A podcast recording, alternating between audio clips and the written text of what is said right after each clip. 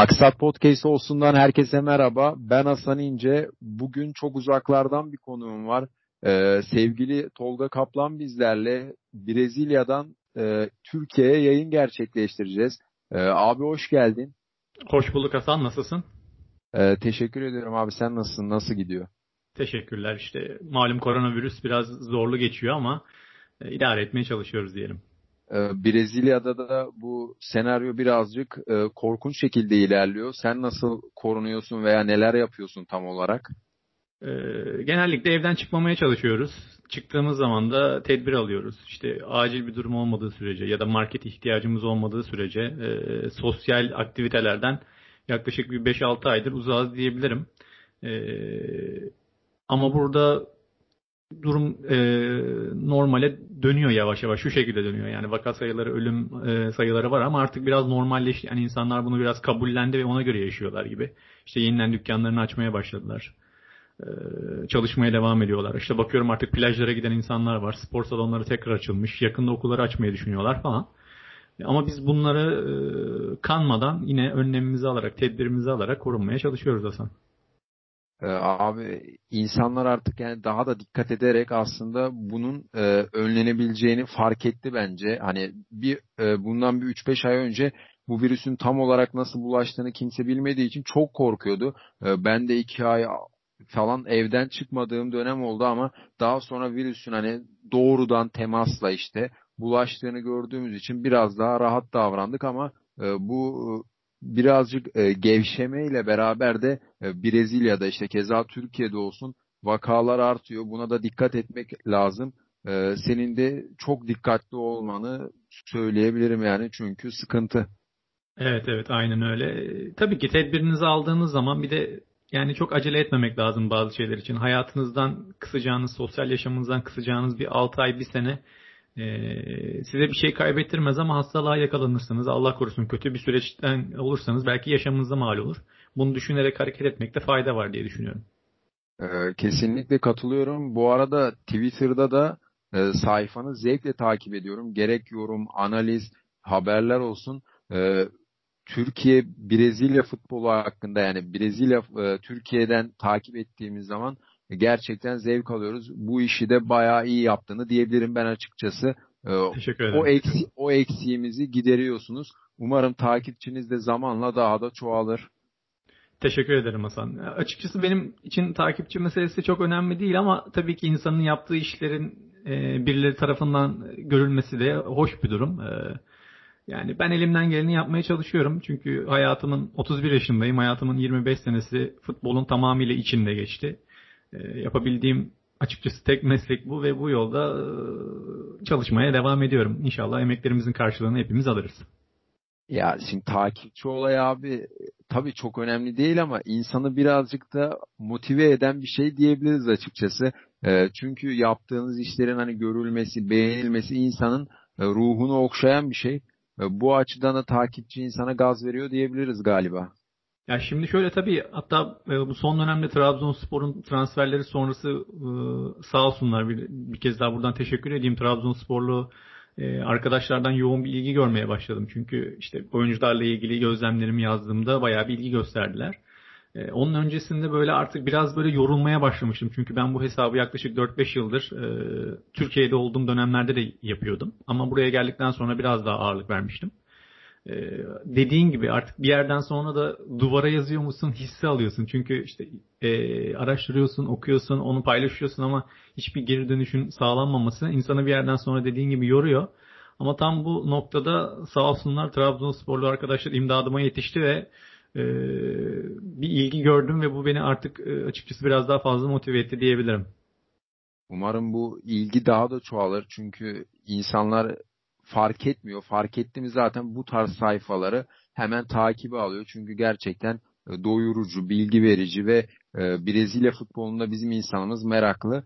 E, istersen abi hiç vakit kaybetmeden birazcık Brezilya Serie A konuşalım. Daha sonra da Trabzon'un adı geçen oyuncularla alakalı da yorumlar yaparız. Şimdi geçtiğimiz sezon Jorge Jesus'la beraber Flamengo şampiyon olmuştu. Ee, sezon sonunda ise Benfica çok iddialı bir kadro kuracağı için e, Jorge Jesus'u geri getirdi. E, Flamengo'nun ise başına Dominic Torrent geçti. E, ve bu sezon lige çok kötü başladılar. Hani e, Flamengo açıkçası bence böyle başlangıçlara alışık bir takım değil. İki mağlubiyet, iki beraberlik ve sadece bir galibiyet aldılar. E, geçtiğimiz sezonla kıyaslarsak e, Flamengo şimdiden havlu attı diyebilir miyiz acaba? Ya havlu attı demek için tabii ki erken henüz daha ligde 5 hafta oynandı ama şimdi gözle görülür bir durum da var. E, Jesus'un ayrılığından sonra Dominic Torrent'in başa gelmesi e, takım içinde bazı şeylerin değişmesine neden oldu. Ben bunu burada çok okuyorum. E, Dominic Torrent Jesus'a göre biraz daha farklı bir yaklaşım içerisinde takıma. E, geldiği dönem dedi ki işte e, formda olan, fiziksel e, olarak hazır olan sahada oynayacak isimler oynamayacak gibi bir açıklama yaptı. Bu aldığı ilk iki mağlubiyetin ardından. Ondan sonra e, son olarak Botafogo ile bir, bir bir berabere kaldıkları maç var. O maçta işte geçen senenin e, en önemli 2-3 yıldızından biri olan Araskayeta'yı oynatmadı. Daha sonra Araskayeta da Twitter'dan bir açıklama yaptı. %100 sağlıklıyım, hiçbir problemim yok diye. Aralarında böyle bir e, sürtüşme diyeyim yani ufak çaplı bir gerginlik oldu.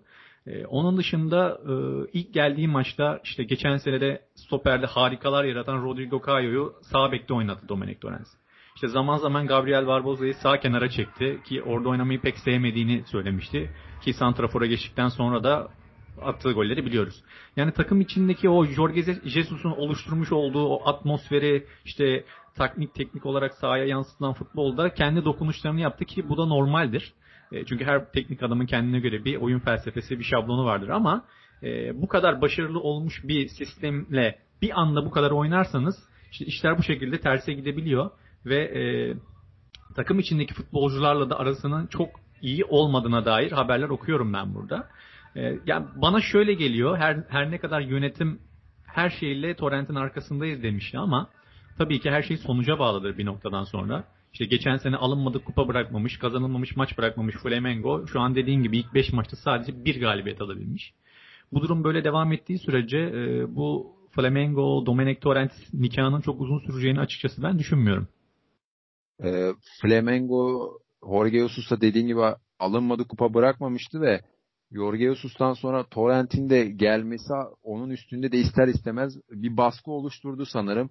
Ee, ve bu direkt gelir gelmez açıkçası ben böyle köklü değişikliklere karşı bir e, bakan biriyim. E, çünkü yavaş yavaş değişmek takımın kimyasını da dediğin gibi abi birden bozmayacak, e, daha da verimli olacak. Ama Torrent bunu birden yapınca hem oyuncuların performansı düştü, e, hem de takımın performansı büyük e, bir düşüş yaşadı. E, bu konu hakkında ne dersin? Yani birden geçiş yapmak yerine zamanla yapmak daha iyi olurdu değil mi? E tabi aslında ilk geldiği zaman kendisi de dedi. E, Jesus'un başarılarına saygı duyuyorum. Sahada yaptıklarına saygı duyuyorum ve o yüzden hani işleyişi ilk başta boş, bozmak istemiyorum demişti. Ama daha ilk maçında e, işte dediğim gibi Rodrigo Cavallo'yu sağ oynattı. Bu adam yani hayatında sağ bek 2-3 kere falan oynamıştır yani. E, tam bir stoper adam.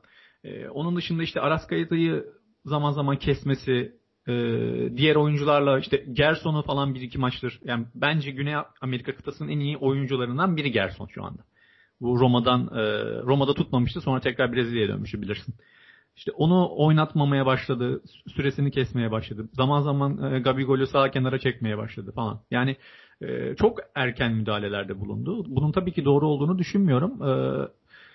Sonuçlarını da görüyoruz sahada. Flamengo sağ içinde birbirinden çok kopuk oynamaya başladı. Yani ben tüm maçlarını izledim şu ana kadar. O geçen seneki kendine güvenen işte e, takım sağlığı yok. Ayrıca bir de şey de var şimdi. E, Jesus'un Benfica'ya gitmesinin ardından bu transfer olayları. Mesela Gerson'un ismi, Bruno Henrique'nin ismi çok geçiyor Benfica'yla. Oyuncuların kafası da aslında biraz karışık.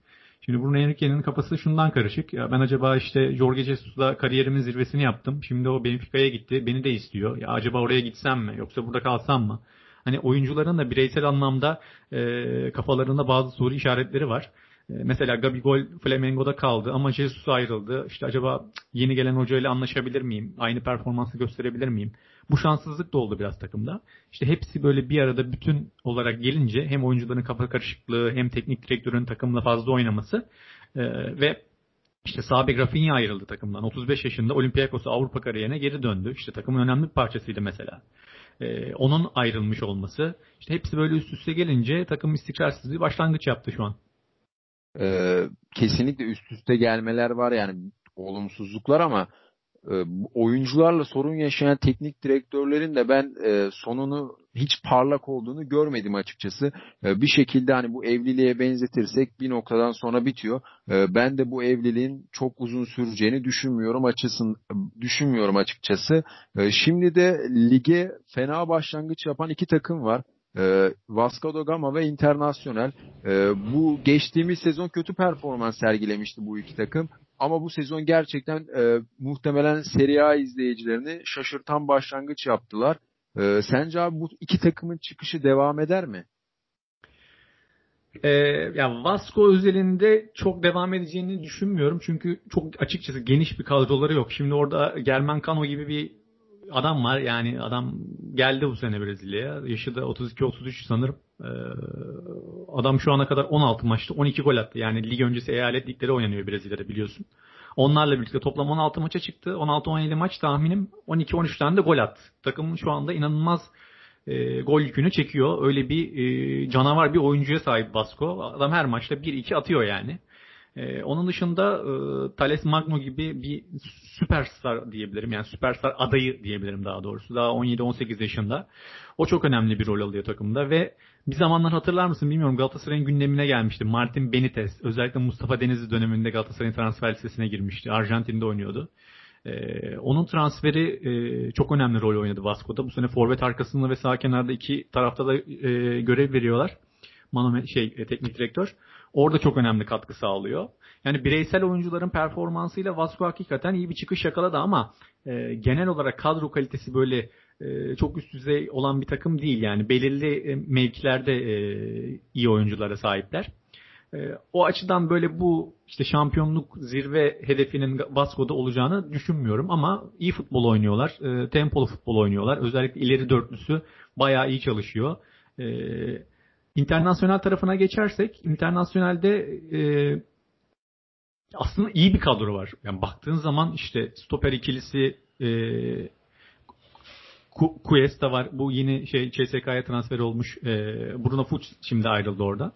E, onun dışında işte ileride Paulo Guerrero gibi inanılmaz bir e, kariyerli bir santrafor var. Bayern Münih döneminden hatırlarız. E, Avrupa'yı takip eden futbol severler hatırlar. E, onun dışında işte Thiago Gallardo gibi bu sene çok iyi çıkış yapan bir oyuncu var. Sanırım ligde şu ana kadar 3 gol attı. E, bayağı iyi performans gösteriyor. Yani e, internasyonelin kadro kalitesi Vasco'ya göre çok iyi. O yüzden e, iddiasını e, zirve yolunda daha fazla sürdürebilecek bir takım. Yani sezon başında da baktığınız zaman 4-5 şampiyonluk adayından biri internasyonel. E, yani kadroda da bayağı iyi oyuncuları var. Yuri Alberto'yu e, aldılar Santos'tan. Genç 19 yaşında bir futbolcu, santrafor. Bedavaya aldılar onu. Ona göre veriyorlar. İşte Joao Peglo gibi 18 yaşında yine genç bir for, santraforları var. Paulo Guerrero'nun olmadığı dönemlerde de alternatifleri mevcut takımın. İşte Marcos Guilherme gibi, William Potker gibi. Yani Andres de Alessandro var. Wolfsburg efsanesi. Sonra internasyonele geldi falan. Yani kadro kalitesi müthiş e, Brezilya seviyesine göre internasyonelin. O açıdan şampiyonluk adaylarından biri bu sene internasyonel.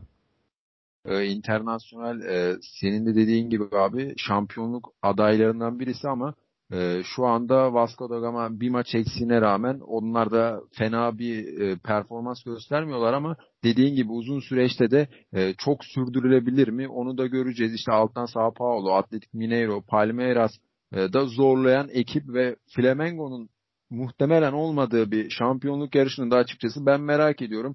E, şimdi de benim bir e, şu ana kadar oynanan maçlarda dikkatimi çeken bir genç oyuncuya değinmek istiyorum. Henüz 2000'li e, Red Bull da oynayan Braga, Red Bull Bragantino'da oynayan e, Alejandro henüz dediğim gibi 20 yaşında ve bu sezon 3 golle katkı verdi takımına.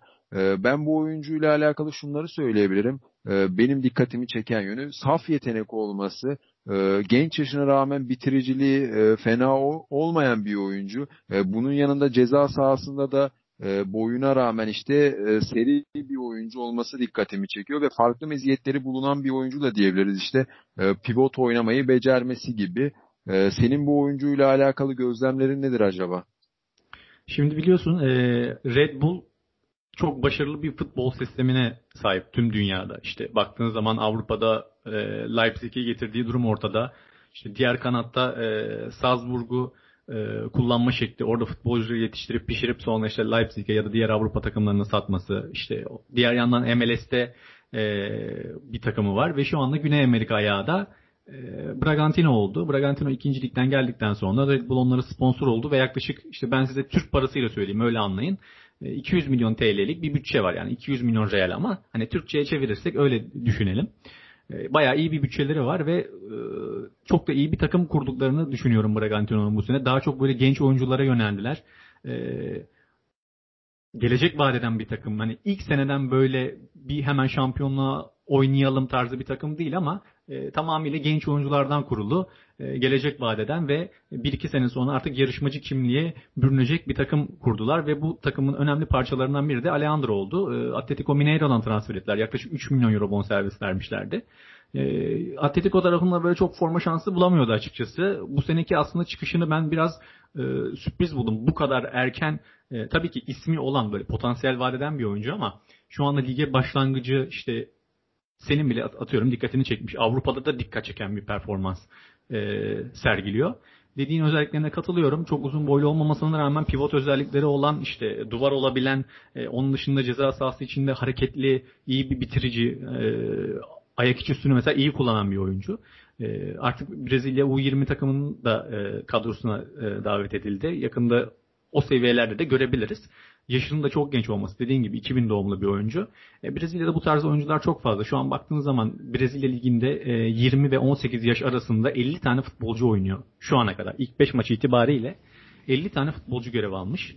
18 ile 20 yaş arası. Yani bu e, Brezilya'da çok artık böyle çok aman aman bir durum değil. Aa bak 20 yaşında gencecik futbolcu Alejandro çıkıyor Brezilya liginde 3 tane gol atıyor falan. Bunlar böyle aslında çok da büyük bu, e, bu e, Brezilya basınında gündem olan şeyler değil. Ama tabii ki oyuncunun e, gösterdiği çıkış performans şu anda baktığınız zaman gol krallarından biri 5 haftanın sonunda 3 tane gol atmış yani. Benim de beğendiğim bir oyuncu evet. Ee, şöyle söyleyeyim dediğin gibi abi belki Brezilya'da bu çok normal bir durum. Muhtemelen de öyle dediğin gibi. Ama bizim için gerçekten e, ben gördüğümde şaşırdım yani. Dediğim gibi birçok yetenekli oyuncu var işte. E, birçok sayıda 96, 97, 98'li oyuncunun olduğunu ben gördüm. E, şimdi de e, Trabzon'un e, Brezilya'dan e, bu sezon transferleri oldu ve ismi geçen birçok oyuncu var. İstiyorsan kısa kısa onlara da geçelim. E, ilk transferleri Flavio 24 yaşında bir oyuncu. E, defansif orta saha olan ama işte merkezde de oynayabilen bir oyuncu. Her iki ayağını kullanan, e, kesici özellikleri iyi olan e, bir oyuncuyu söyleyebiliriz. E, benim kötü yan olarak gördüğümse e, fiziksel açıdan e, problemleri var bu oyuncunun. E, son olarak da şunu ekleyeyim o zaman. E, ceza sahasına da bir orta saha olmasına rağmen defansif özelliği e, ağır basan e, bir oyuncu ama koşular atabiliyor sürpriz olarak. E, belki Trabzon'da bu oyuncu çok fark yaratan bir oyuncu olmayacak ama e, sahadaki zorlu işleri yapan e, bir tabir vardır. Pis işleri yapan oyuncu olacak diyebilir miyiz Flavio için? Ee, Hasan şimdi şöyle söyleyeyim. Daha Trabzon'a gündem olmamıştı daha ismini e, geçmemişti. Ben o zaman işte kendi çapımda işte acaba Türkiye Ligi'ne uyabilecek oyuncuları böyle e, araştırıyorum, gözlemliyorum, değerlendiriyorum falan. Liste yapıyorum falan acaba. Bir şey olursa hani Türk takımlarına nasıl bir oyuncu önerebiliriz vesaire gibi. E, o bölge için hani hem maliyet olayı bakın çok önemli. En iyi oyuncu demiyorum ama maliyet performans anlamında yani benim kafamdaki en uygun 3-4 isimden biriydi. Hatta bunu da daha sonra Twitter'da yazmıştım. Bunun üzerine yaklaşık bir 10 gün sonra falan e, Flavio Trabzon'a e, transfer haberini duydum ve ondan sonra hesabımda bir şeyler paylaştım. E, ve ondan sonra zaten Trabzonsporlu arkadaşlar hesabı çok iyi göstermişti. İyi denk geldi açıkçası yani. Şimdi ben Bahia eyaletinde yaşıyorum. Yani Flavio'nun oynadığı takım Bahia. E, hatta pandemi olmasaydı Bahia'nın maçlarına gidip onu canlı izleme imkanım bile olacaktı ama pandemi nedeniyle o fırsata erişememiştim. Ama yani ben Bahia'nın neredeyse iki yıldır tüm maçlarını izliyorum. E, özellikle Gregory var takımda aynı zamanda Bahia'da. Onunla e, ikili oynadığı zaman çok etkili oluyordu. Aynı zamanda Bahia üçlü oynadığı zaman da e, üçlü varyasyonlarda hem sağ iç hem sol iç ya da o e, iç oyuncularının arkasındaki tek ön libero olarak da görev alabiliyor. Zaman zaman Yani 4-2-3-1'in işte 10 numara pozisyonunda da forma alabildiği e, zamanlar oluyor ama orada çok aktif değil. ihtiyaç olduğu hal, halde oynuyordu. E, dediğin şeylerin çoğuna katılıyorum. E, takımın böyle hamallık yükünü çeker mi? Yani o fizik kapasitede bir oyuncu değil. Ha, şu var hani e, sürekli basar işte pres yapmayı sever e, şeyi var ama bunu e, gücüyle yapabilecek bir oyuncu değil. Mesela şöyle bir durum oluyor onda. Onu çok gözlemledim. İşte 40 saniye bir pres yapıyor. Bir sağa basıyor, bir sola basıyor, işte koşuyor, stoperlere yardıma geliyor vesaire. Ondan sonra mesela normal olarak tabii ki işte nefes nefese kalıyor. 30 saniye 40 saniye yürüyor falan ama o süre onda biraz daha uzuyor. Yani gücünü çok iyi kullanmayı bilen bir oyuncu değil sahada. Bu sebeple çok pozisyon kayıpları da yaşıyor. En önemli eksiği zaten o olacak. Trabzonspor'da bunu ne kadar giderebilir bilmiyorum ama e, biraz böyle e, işte o da şeyle alakalı bir durum. Arda Turan Atletico Madrid'e gittiği zaman bir açıklama yapmıştı. İşte Galatasaray'dayken, Galatasaray'dayken sürekli işte beke yardıma geliyordum ama şimdi işte sahada ne yapmam gerektiğini artık biliyorum demişti. Yani gücünü idareli kullanmak olayı Flavio'da biraz sıkıntı. Tabii yaşı henüz 23-24 belki son 1-2 senede bunu atmaya başlar Trabzonspor kariyeriyle. Ama onun dışında Trabzonspor'a neler verebilir? 6 numara aslında orijinali 6 numara ama 8 de oynayabiliyor. Ve şöyle e, atıyorum 6 numara ama Mikel tarzı bir 6 numara da değil. Yani mobil bir 6 numara. İşte gezmeyi seven, sabit oynayan. Mesela işte Mikel ya da Fernando gibi oyuncular orta yuvarlağın alanında bir e, kendilerine hat belirlerler. Onun dışına çok çıkmazlar. İşte gelen atakları keserler vesaire. Ama e, Flavio 6 oynadığı zaman işte çizgiye kadar inip kayarak top kapmayı seven bir oyuncu. Hani o alanlara e, takılı kalmayı seven bir oyuncu değil. Sahada gezmeyi seven bir oyuncu. E, Trabzonspor'da direkt ona e, geçen sene Mikel'in verildiği rolün verileceğini düşünmüyorum açıkçası. Daha çok Ndiaye'nin aldığı rolü alması gerekir. Orada daha faydalı oluyor çünkü. Yani yanına mutlaka güçlü bir tane 6 numara lazım diye düşünüyorum. E, onun dışında topla ilişkisi iyi. Topu ayağına aldığı zaman işte yüzünü e, top, stoperlerden sırtı dönük topu alıp yüzünü dönüp isabetli paslar atabiliyor. Dediğin gibi iki ayağını kullanabiliyor. Bu önemli bir özellik. E, onun dışında kaptığı toplarla e, hani ben topu kaptım hemen yanımdakine vereyim değil de oyunu iyi okuyup gerekirse topla birlikte o driblingi yapabilen bir oyuncu. Takımını hızlı atağa kaldırabilen bir oyuncudur. E, ama dediğin gibi fiziksel özellikleri biraz sıkıntılı ve e, biraz enerjisini kullanmayı pek fazla bilmeyen bir oyuncu. E, ama genel itibariyle baktığımız zaman maliyeti çok iyi, yaşı çok uygun, kalitesi belli bir düzeyde. Tek sıkıntısı daha fazlasını vaat etmemesi. Artık potansiyelin zirvesine neredeyse ulaşmıştı zaten.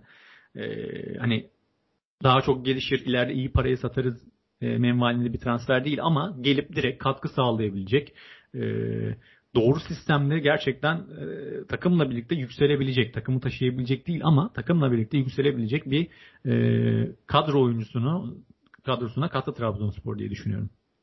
E, Flavio yani takımla beraber e, o da seviyeye yükselir ama tek başına takımı ayağa kaldıramaz diyebiliriz.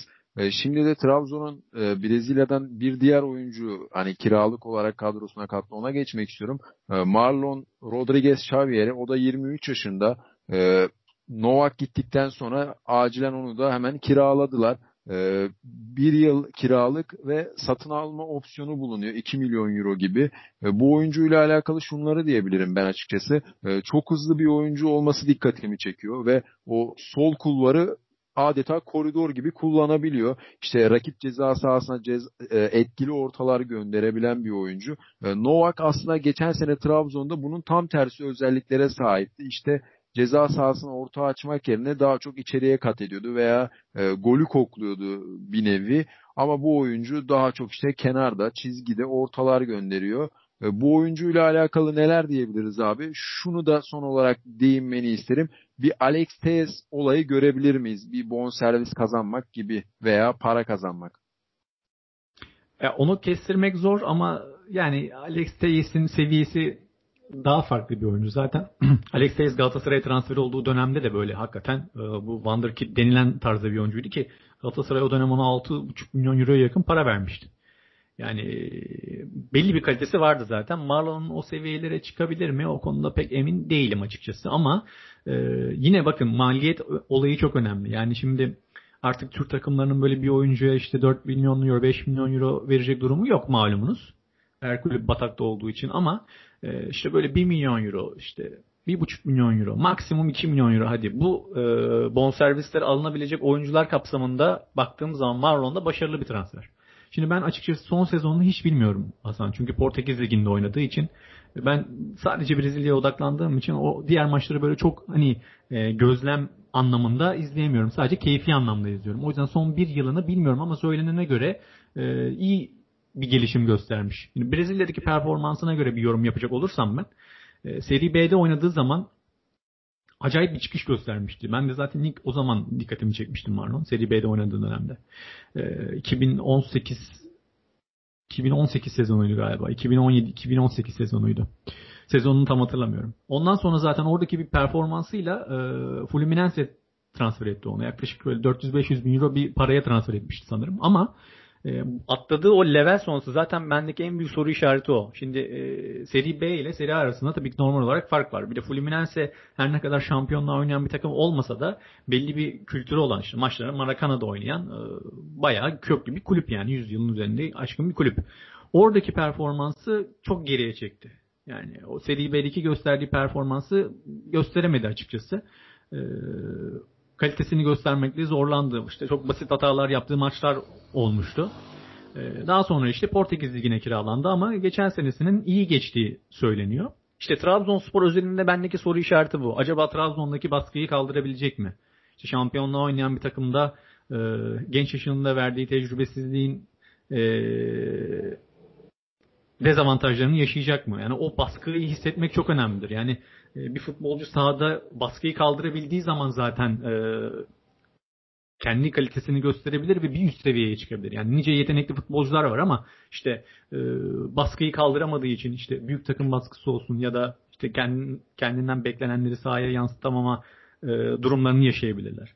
E, Marlon'da bu bence soru işareti ama futbolculuğu özelinde dediğin gibi Novak'tan daha farklı. Novak daha çok ceza sahası içine koşuları seven yani çizgiden değil de e, içeriye doğru koşular yapıp işte sonra ikiye birlerde içeri girmeyi seven bir oyuncuydu ama e, Marlon tam tersi çizgiyi kullanmayı seven hatta bu nedenle savunmayı ikinci planda da bırakan yani ona da değinir, değiniriz birazdan. Hani çizgi koridoru kullanıp ceza sahasında ortalar yapmayı seven ve e, kuvvetli bir oyuncudur dediğin gibi. E, gerçekten topla birlikte böyle gittiği zaman yanına yaklaşma yani. O kadar fuleli bir oyuncu. Bacakları dolu, omuzları dolu, e, güçlü bir oyuncu. E, hücum anlamında Trabzonspor'a katkı sağlayacaktır. Çünkü pas alışverişleri iyidir, iyi ortalar yapar. Duran topları çok iyi kullanır bu arada. O da önemli bir özellik. İşte kornerleri kullanır, frikikleri kullanır. Serbest vuruşlarda sizi ceza sahasına, penaltı noktasına iyi sert kesme ortalar yapar. Bu anlamda katkı sağlayacak ama işte bir sol bek, işte sağ bek tabii modern günümüz futbolunda artık savunma oyuncularının da hücumdaki rolünü biliyoruz. Sol beklerin, sağ beklerin ama yine de ne olursa olsun bir sol bekin, bir sağ bekin ilk önemli özelliğinin savunma olması gerekir. Bu konuda bariz sıkıntılar yaşayan bir oyuncu. Çok ileri çıktığı için pozisyonunu kaybeden bir oyuncu. Ee, işte pozisyon almada bazen sıkıntılar e, yaşayabiliyor. Ters kademelere girmekte zorlanıyor ileri çıktığı zaman. Bu, bu gibi dezavantajları var ama e, tabii ki Trabzonspor seviyesindeki bir takımda e, bu eksiklerini yapacağı antrenmanlarla, oynayacağı maçlarla mutlaka e, taktik dokunuşlarla birlikte kapatacaktır. E, yani oyuncunun tabii ki artı özelliklerinden ilk hedefte faydalanmanız gerek. Ona göre tabii ki transferler yapmanız gerek. Eksilerini de antrenmanlarla gidermeniz gerek. E, bu şekilde baktığımız zaman, genel pencereden baktığımız zaman işte maliyet ve beklentiler açısından çok e, risksiz, zarar etmeyeceğiniz, oldu ki verim alamadı, kiralık zaten. Yani herhangi bir külfeti yok size maddi anlamda. Bu transferlere ben her zaman olumlu olarak bakıyorum. E, zaten genç oyunculardan e, zarar ettiğini bir takımın ben açıkçası görmedim. İşte bunun Galatasaray'da Alex Telles gibi, Buruma gibi o örnekleri var. E, veya keza Fenerbahçe'de Elif Elmas gibi. Beşiktaş'ta da sayabiliriz bunu. Trabzon'da da artık sayacağız. Ee, ben açıkçası bu oyuncuların e, yaşlarının yani şu ana kadar değerli Flavio e, veya işte açıkçası şimdi konuştuğumuz oyuncu da Rodriguez de öyle olunca genç olmalarından dolayı bu açıklarını rahatlıkla kapatabileceklerini düşünüyorum. Eksiklerini giderebileceklerini, potansiyellerini düşündüğümde e, Trabzon'a e, maliyet ve e, transfer açısından katkı verebileceklerini düşünüyorum. Ama tabii ki de bu Trabzon şehrindeki baskı da e, beni korkutan bir diğer olay. E, bunu da sezon içerisinde göreceğiz açıkçası nasıl bir e, sonuçlar vereceğini. Şimdi de bir diğer isim olan Vitor Hugo'ya geçmek istiyorum. Bu da iyi bir savunmacı olarak biliniyor açıkçası Brezilya'da. Ben öyle okuduğum veya gördüğüm kadarıyla e, ayakları iyi olan bir savunmacı işte e, geriden oyun kurabilen e, sol ayaklı bir stoper. E, uzun boyuna rağmen e, kesinlikle yavaş bir oyuncu değil. Bu arada boyu da 1.87 yani kısa değil. E, buna rağmen hantal değil. E, hava toplarında boyundan dolayı iyi olan, e, havaya hakim olan hava toplarına e, bu sayede de e, sürpriz goller atabilen bir oyuncu. Benim açıkçası olumlu yaklaştığım bir futbolcu kesinlikle diyebilirim. Çünkü bir Fiorentina tecrübesi oldu. E, çünkü e, İtalya'da da e, savunma futbolu ağırlıklı olduğu için iyi savunmacılar orada oynuyor ve iyi işler yapabiliyor. E, Vitor Hugo da orada iki sezon gibi bir süre oynadı. Ee, senin bu oyuncuyla alakalı görüşlerin nelerdir abi? Fiorentina'ya gitmeden önce yine Türkiye gündemine gelmiş bir isimdi. Galatasaray böyle o zaman işte çok alacak, çok alacak e, iddiaları da çıkıyordu ama oyuncu yaklaşık bir 8-10 milyon euro arası bir rakama gitti diye hatırlıyorum. Tam bilmiyorum ama. e, yani İtalya'da da aslında ilk gittiği dönemde ilk 11 oyuncusuydu. Sonradan yerini kaybetti. Onun nedenlerini tam bilmiyorum tabii ki yakından takip etmediğim için. Ben Brezilya olay, e, performansına değineyim tabii ki. Geldiği ilk sezonda yani geçen sene işte Palmeiras ona bir 5,5 milyon euro tekrar bonservis verip geri aldı. Ee, geldiği ilk sezonda tüm, tüm maçlarda oynadı. Daha sonra teknik direktör değişikliği sonrası Lüksemburgo'nun göreve gelmesiyle e, Lüksemburgo işte 37 yaşındaki Felipe Melo'yu ben de bu sene e, artık yaşından dolayı çok fazla tempo yapamıyor. Onu stopere çekeceğim. Onun tecrübesinden ve e, oyun kurma becerisinden faydalanacağım dedi. Onu stopere çekti. E, yanında da Gustavo Gomez oynatıyor. Milan'dan hatırlayacağımız Paraguaylı oyuncu. İkisi şu anda as stoper olarak oynuyorlar. Üçüncü alternatif olarak da normalde Vitor Hugo'yu herkes yazıyordu ama e, Luxemburgo onun önünde Luan'ı tercih ediyor. Yani şu anda Vitor Hugo Palmeiras'ta dördüncü stoper konumunda ama şöyle bir durum var. Ben Vitor Hugo transferini sadece Türkiye e, kaynaklı gördüm. Yani Brezilya'da hiçbir basın organı ya da Palmeiras muhabiri olsun, işte televizyon kanalları olsun, e, Vitor Hugo ile ilgili tek bir transfer haberi dahi geçmediler. Hatta Türkiye'yi kaynak gösterip dahi şu ana kadar benim okumuş olduğum bir haber yok. Yani bu haber sadece Türkiye kaynaklı bir haber ki e, oyuncu yaklaşık 1-2 hafta önce bir açıklama da yapmıştı. İşte Palmeiras olarak biz bu sene şampiyonun en büyük adayıyız.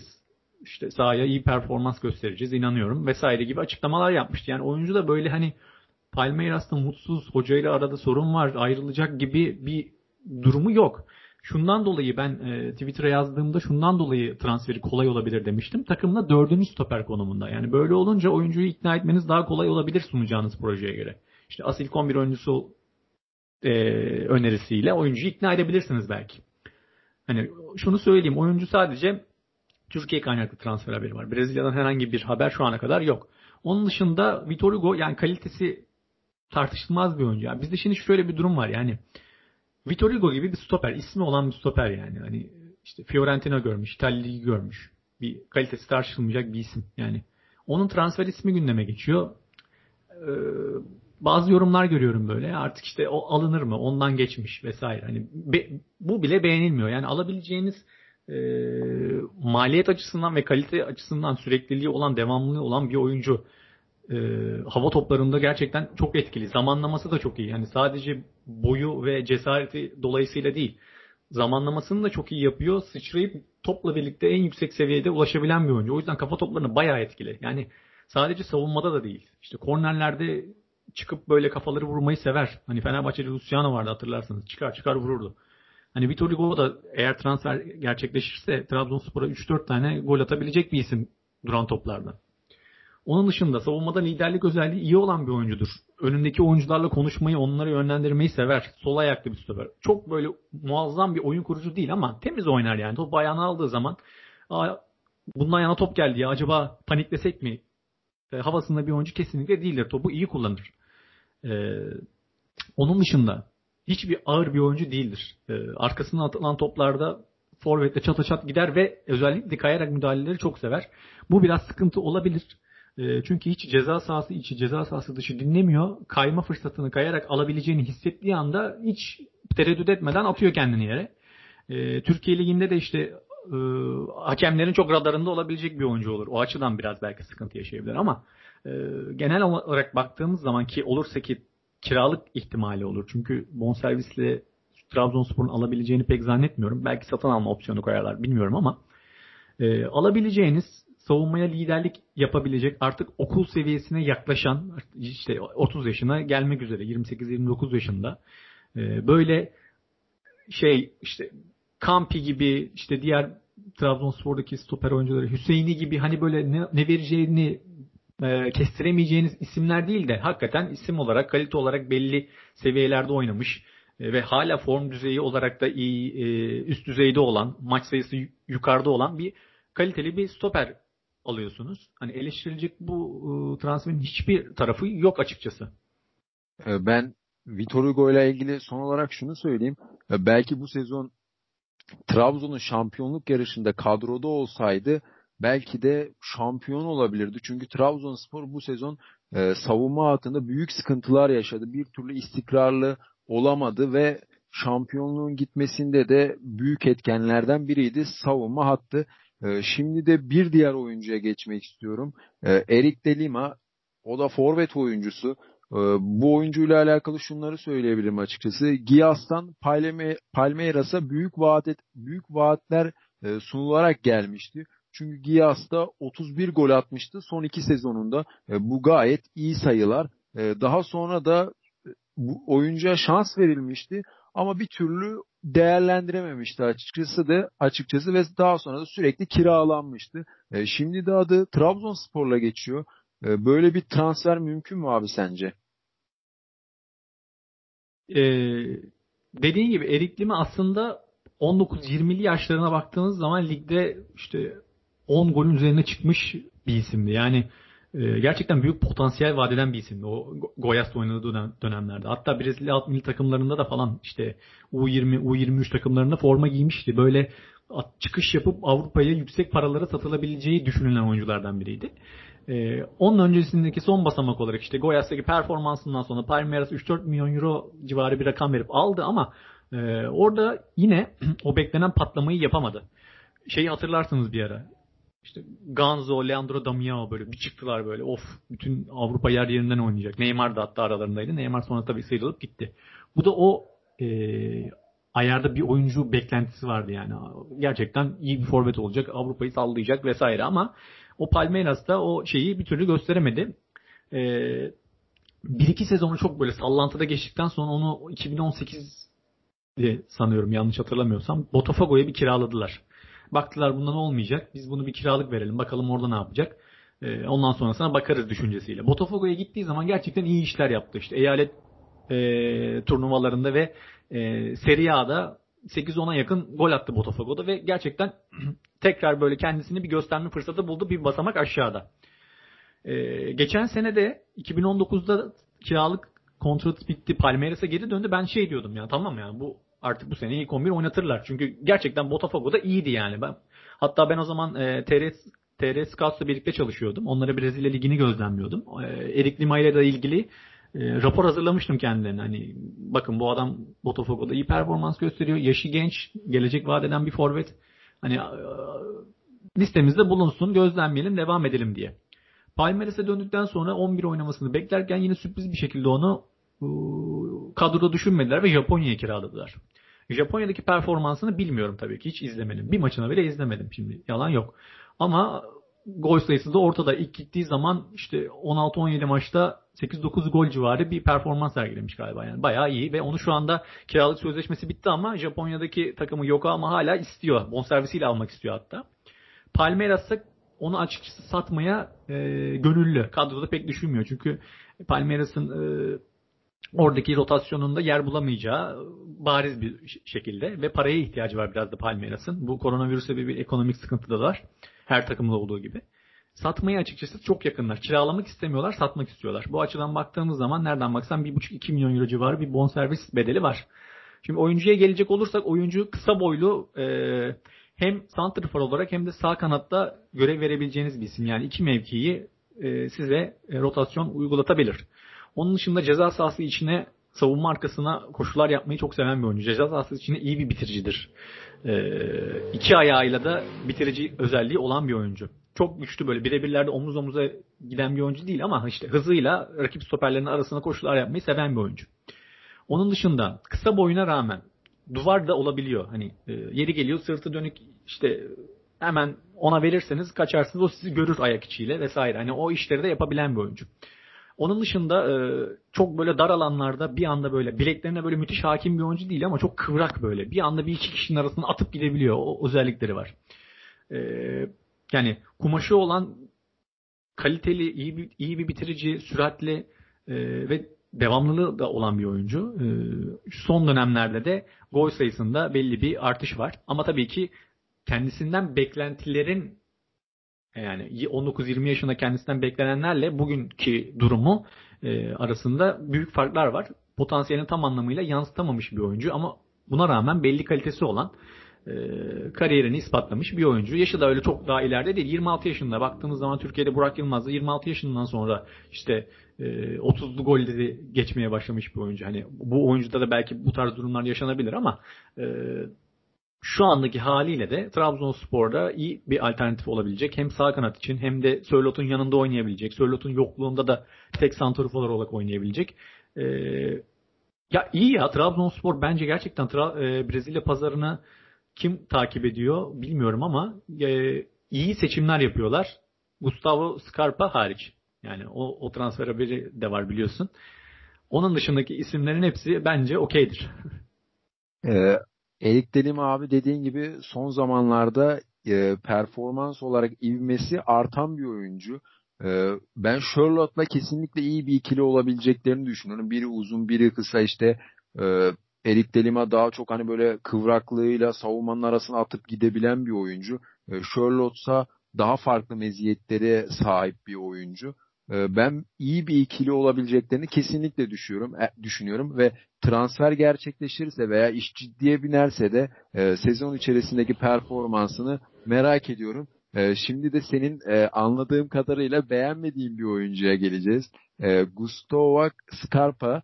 E, o Gustavo da 20, Scarpa, evet. E, 26 yaşında e, iki ayağını da etkili kullanan bir oyuncu ama sol ayağını daha da iyi kullanıyor. Solak bir oyuncu. E, oyun zekası, işte skora verdiği katkı, e, bayağı 15-20 gol arası katkı veriyor gol ve asist olarak. E, dikkat çeken bir oyuncu. E, senin beğenmediğini tahmin ediyorum ve bu oyuncuyla alakalı yorumunu kısaca alabilir miyim abi? Ya benim beğenmediğim bir oyuncu değil aslında. Yani şu, e, ya Twitter'a yazdığımda da hatta şey dedim yani hani denenebilir hani yani bu risk alınabilir. Hani yine sonuçta bak o kadar eksilerine rağmen yani adamda öyle bir potansiyel vardı ki hani yani Brezilya milli takımına kadar da yükselmiş bir oyuncu. Ee, bu adam tipik bir solak yani. Soluyla 35-40 metre mesafe dinlemesi her yerden kaleye vurur. Ee, öyle bir yetenek ama işte taktiksel bilgisi zayıf, fiziksel olarak eksikleri var. Takım oyuncusu çok fazla değil. İşte işin savunma yönünde e, eksileri çok. Eksi yazar size. E, yani ama bak bütün bunlara rağmen yine de alınabilecek bir oyuncu diyorum en sonunda hani bu riskler alınabilir. Çünkü öyle bir kaliteye sahip bir oyuncu. E, ama Palmeiras dönemi oldukça sıkıntılı. Fluminense'de e, bir iki sezonu var çok iyi böyle işte 15 asist yaptığı işte bir sezonda 10 gol attığı falan ama e, total performansı böyle çok çalkantılı, inişleri çıkışları olan bir oyuncu ki son dönemde artık biraz böyle düşüşe geçti. Bir de ya bir futbolcunun ismi Arap Yarımadası ile geçtiği zaman ee, ben böyle biraz işkilleniyorum artık yani. Hani o futbolcunun beklentilerinin e, yani futboldan ziyade artık sanki böyle paraya dönmüş gibi bir hissiyatı veriyor bana ki e, Scarpa ile de e, çıkan transfer iddiaları ile ilgili şu anda gö- gözüken e, oyuncunun Avrupa'dan gelen bir teklifi reddettiği maddi sebeplerden dolayı ve Arap Yarımadası'ndan gelen teklife daha sıcak baktığı. En son haber bu. Yani Avrupa'dan şu anda tek teklif vardır ona. Trabzonspor'dan tahminim. İşte onu hem kulüp hem oyuncu reddediyor ama işte Arap Yarımadası'ndan gelen teklife daha sıcak bakıyorlar. Benim tahminime göre Trabzonspor oyuncunun transferinden vazgeçmiş olabilir ya da sadece böyle bir e, transfer e, gelişmesi belki hiç yaşanmamış olabilir. E, benim tahminime göre Trabzonspor'a Scarpa'nın transferi gerçekleşmeyecek. Ha, yani baktığın zaman işte Erik Lima ismi geçiyor. Ee, işte Scarpa gelirse Flavio transferi zaten hali hazırda var. İşte Envakame var. ileride Sörlot var. İşte sağda Abdülkadir var falan vesaire. Yani bu oyuncularla birlikte bir e, şablon kurmanız pek mümkün değil yani. Hani özellikle işin takım savunması boyutunda çok inanılmaz sıkıntılar yaşarsınız bu oyuncularla birlikte. O açıdan hepsi bir arada böyle gerçekleşecek transferler gibi gözükmüyor. Ee, Twitter'da yazmıştım ama hani işte o riske değer, Scarpa alınmalı riskine değer gibi bir şey ama e, şu anda tekrar düşündüğüm zaman, sonrasında tekrar düşündüğüm zaman e, yetenekleri gerçekten ya sahada 80 dakika gezer, sonra bir bakmışsınız 30'dan 60 golü maçı size 1-0 kazandırmış. Hani öyle bir oyuncudur ama Talişka bence artık... benzetmesini yapabilir miyiz? Talişka. Ya Talişka saha içinde çok daha aktif. Scarpa bu kadar aktif değil. Tal Talişka bir de Talisca Scarpa'dan hani, daha kaliteli bir oyuncu ve yani kesinlikle orası öyle de ha, hani Talisca'da versen tamam tamam. Takım savunmasına böyle katkısı Aha. yoktu falan ya. O yüzden böyle bir aklında canlandı açıkçası. Ya şimdi ama şöyle Talisca takım savunmasında olmaz çünkü Talisca 20 tane gol atıyor yani. Ya Scarpa böyle de bir oyuncu değil. Hani gol asist dengesi işte 12-13'lerde. Hani bir sezonu var böyle 20'yi bulmuş falan. Hani ona değecek bir isim değil şimdi mesela. Talişka'yı alırsın ama biliyorsun ki Talişka sana 20 tane 15 tane gol atacak yani.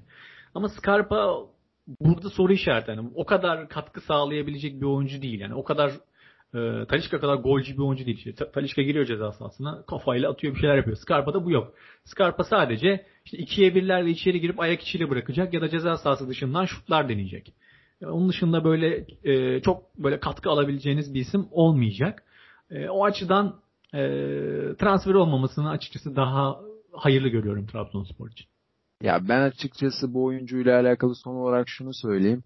E, Trabzon şehri birazcık e, sabırsız. Ben oraya da geçtiğimiz sezon ve üniversite okuduğum için o, o bölgede e, çok sık gidiyordum ve e, sabır konusunda gerçekten e, sıkıntıları olan bir şehir böyle bir oyuncuya eğer bel bağlarsalar büyük sıkıntı olur. Atıyorum oyuncu iki maç gol atamadığında işte çöp yorumları, kim transfer etti, böyle oyuncu mu olur tarzında e, oyuncuyu iyicene baskı altına alınır ve daha da kötü olur. Takım dinamiklerine zarar verir gibi. E, ama al, al, alternatif olarak e, böyle bir oyuncu takıma katkı sağlayabilir. Belki sonradan hamle oyuncusu olarak ee, bunları söyleyebilirim. Senin daha bir son olarak söyleyecek bir şeylerin var mıydı acaba? Yavaş yavaş e, e, programın sonuna geldik çünkü. Ee, ben beni bu yayına davet ettiğin için teşekkür ederim Hasan. Benim için de e, buradaki işte Brezilya futbolu ile ilgili düşüncelerimi e, Twitter'ın ardından böyle bir e, ortamda sesimle aktarabilmek beni de mutlu etti açıkçası. E, onun dışında çok ekleyecek bir şeyim yok. Sana da başarılar diliyorum. Daha önceki benimle iletişimden geçtikten sonra e, daha önce yaptığım birkaç yayını dinleme fırsatım oldu. E, gazeteci meslektaşlarım olsun, işte e, bazı muhabirlerle olsun yapmış olduğun podcastleri dinleme fırsatım oldu. Gerçekten sen de e, genç bir arkadaşımız olarak kaliteli işlere imza atıyorsun ve yolun bu konuda açık olduğunu düşünüyorum. E, tekrar söylüyorum burada olmaktan dolayı çok memnun oldum. Ee, başka söyleyecek bir şeyim yok. Abi ben e, dediklerin için çok teşekkür ediyorum. Gerçekten senin gibi bir isimden bunu duymak benim için e, güzel bir şey. E, bana da zaman ayırıp katıldığın için çok teşekkür ediyorum e, açıkçası. Beni kırmadığın için. E, o zaman e, ben Brezilya'da kendine iyi bakmanı diliyorum. Görüşmek üzere. İyi akşamlar. İyi akşamlar Hasan.